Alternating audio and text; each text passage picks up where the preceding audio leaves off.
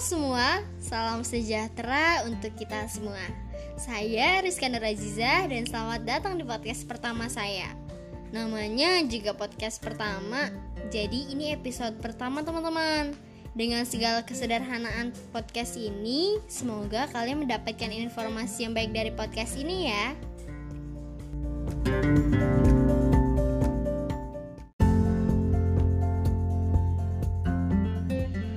teman-teman, di podcast pertama ini saya akan membahas mengenai penggunaan fasilitas sendiri dalam menunjang pembelajaran online.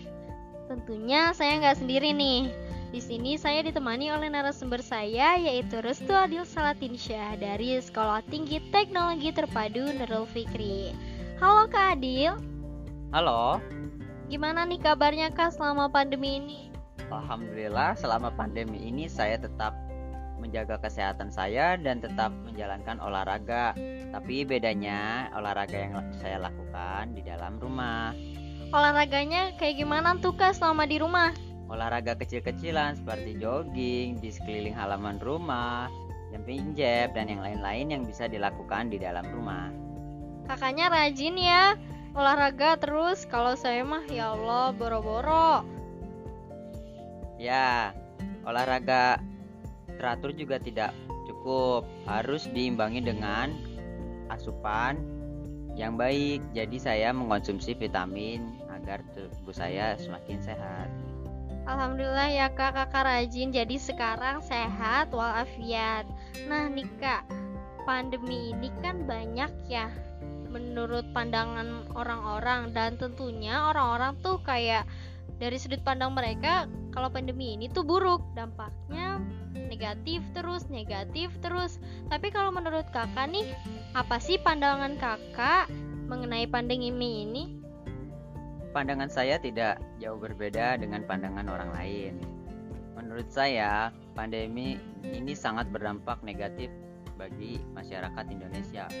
Mau di bidang pendidikan, ekonomi, kesehatan, dan yang lain-lainnya karena beberapa orang pekerja kehilangan pekerjaannya dan menurunnya fasilitas-fasilitas yang didukung oleh negara. Oh, jadi kalau menurut kakak ekonomi itu lebih kerasa ya dari dampak ini pandeminya? Ya, karena ekonomi sangat menurun. Nah, kan kalau selain dari ekonomi kan pasti nih ada yang perubahannya yang ketara juga yaitu pendidikan. Kalau di Indonesia ini pendidikannya sistemnya sistem pembelajarannya diubah menjadi sistem pembelajaran online. Banyak tuh kayak SD, SMP, SMA bahkan rata-rata kampus juga menggunakan sistem pembelajaran online seperti lewat Zoom, YouTube untuk materi dan yang lainnya. Nah, untuk kakak ini gimana sih kak sistem pembelajaran yang kakak rasakan saat ini saat melakukan perkuliahan? Sistem pembelajaran yang saya alami saat ini berbasis daring, yaitu online. Video pembelajaran yang diberikan oleh dosen atau materi pembelajaran yang diberikan oleh dosen bersifat video, kadang juga Zoom atau Google Meet atau aplikasi yang lainnya. Penyampaian materi ini saya rasa kurang saya rasa kurang dapat dipahami oleh kebanyakan mahasiswa. Iya sih kan emang kalau misalnya secara nggak langsung buat pembelajaran yang jadi kayak materinya susah tuh masuk ke otak, ya kan ya kak? Iya betul, karena ada beberapa dosen yang hanya menyampaikan, tidak membimbing. Jadi kurangnya interaksi mahasiswa dengan dosen membuat para mahasiswa ini sulit mencerna apa yang diberikan oleh dosen. Oh iya seperti itu ya kak. kakak. Soalnya saya juga eh, saya juga ngerasain tuh kak gimana yang tadi kakak sebutkan. Nah itu kan kalau dari mentalnya ya kak. Tapi kalau dari perasaan kakak sendiri kayak apa sih? Ini pembelajaran online ini bikin bosen atau bikin senang gitu kak kalau bagi kakak? Pembelajaran online ini saya rasa cukup membosankan dibandingkan yang offline karena yaitu Kurangnya interaksi dengan mahasiswa dan dosen membuat para mahasiswa bosan. Nah, jadi gitu teman-teman. Kalau menurut kakaknya, perasaan kakak Adil tuh bosen gitu setelah melakukan pembelajaran online ini. Nah, tapi Kak, untuk pembelajaran online ini kan tentunya harus ada fasilitas sendiri untuk menunjang atau melancarkan pembelajaran. Nah, kalau di bidang kakak ini kan tentunya teknologi informasi perlu banyak uh, nirkabel nirkabel semacamnya gitu ya kayak internet, komputer dan semacamnya yang harus ada untuk melancarkan pembelajaran. Nah, kalau menurut kakak sendiri ini berapa persen sih kak fasilitas yang udah kakak milikin untuk menunjang pembelajaran daring bagi jurusan kakak nih kak? Ya untuk menyeimbanginya pembelajaran daring dibutuhkan setidaknya smartphone ya dan koneksi internet yang stabil. Jika kalian sudah mempunyai kedua itu, kemungkinan pembelajaran online dapat berjalan dengan lancar. Sedangkan di jurusan saya yaitu teknologi, saya belajar di bidang teknologi. Jadi untuk kasus ini, smartphone dan koneksi internet yang stabil kurang diperlukan alat tambahan berupa komputer atau laptop yang memadai agar pembelajaran dapat berjalan dengan lancar. Nah, kalau dari yang kakak bilang tadi, berarti masih kurang ya kayak fasilitas yang kakak milikin buat melancarkan pembelajarannya ini.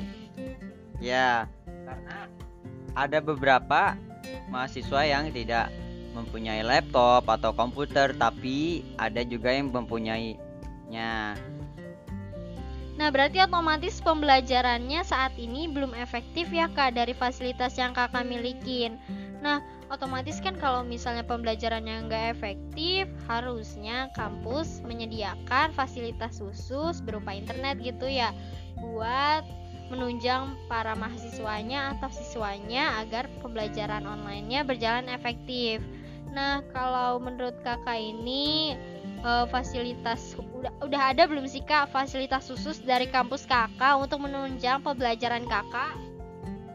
Untuk menunjang pembelajaran online ini, sepertinya kampus-kampus tidak terlalu bergerak karena memang susah untuk dikondisi dikondisikan. Berbeda cerita jika pembelajaran yang dilakukan secara offline atau tatap muka.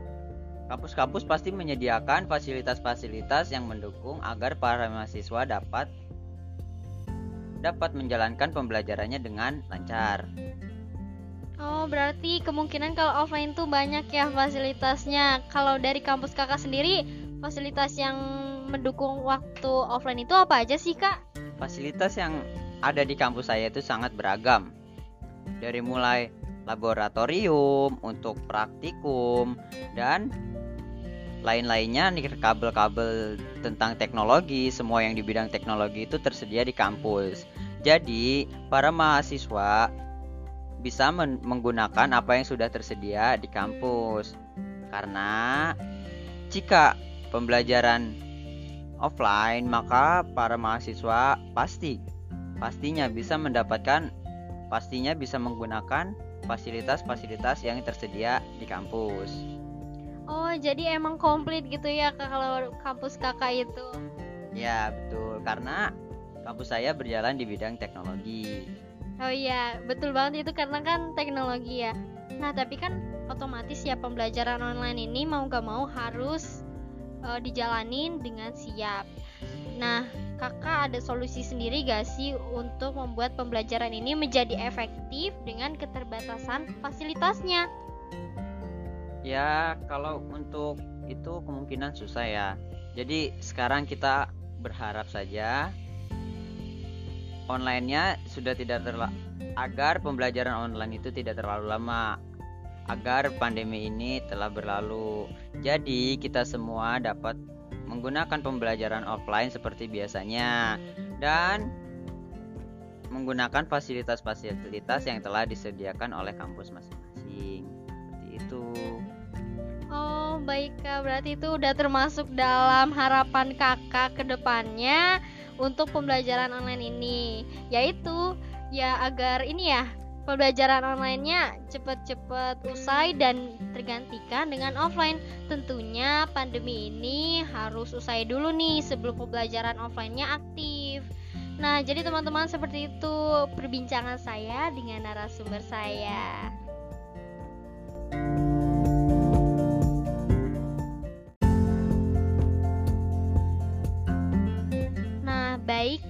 Terima kasih atas waktunya dalam berpartisipasi di podcast pertama ini.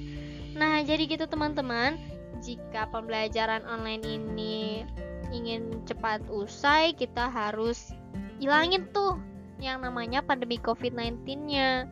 Otomatis dari diri sendiri, dari diri pribadi. Kita harus jaga kesehatan, gunakan masker, jaga jarak, dan yang lainnya. Ya pasti kalian juga udah tahu kan apa yang harus kalian lakukan untuk menjaga kesehatan. Jadi ya gitu ya teman-teman, sekian dari saya. Terima kasih sudah mendengarkan podcast pertama saya. Semoga di episode selanjutnya saya dapat memberikan informasi yang lebih baik atau lebih banyak lagi. Saya Rizka Nuraziza, sampai jumpa lain kali. Dadah.